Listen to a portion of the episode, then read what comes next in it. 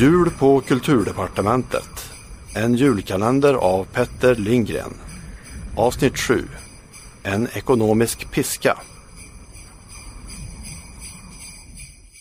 Sunes förslag var i sanning genialt. Att beskatta obildning, eller snarare oviljan till bildning, kunde i själva verket säljas in till oppositionen som en skattelättnad. Mindre skatt för den som läser, punkt. Till och med RU, rättvisemärkta ultrahögern, borde tilltalas av förslaget som ju tillhandahöll en utmärkt ekonomisk piska för den som ville rädda exempelvis Pelle Nävers minne till eftervärlden. Låt säga att varje medborgare stacks till tio verk per månad att genomtränga, allt efter förmåga, i skilda genrer och tonlägen, poesi, romaner, filosofi, rubbet. Snacka om folkbildning. ABF kunde slängas i väggen, liksom Fibs lyriklubb. Vi kommer att bli en litterär stormakt, menade kulturministern.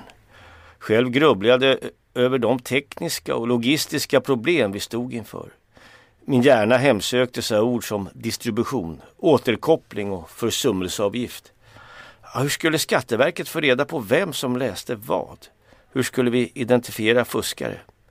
Föga anade jag att lösningen på dessa problem var nära förestående.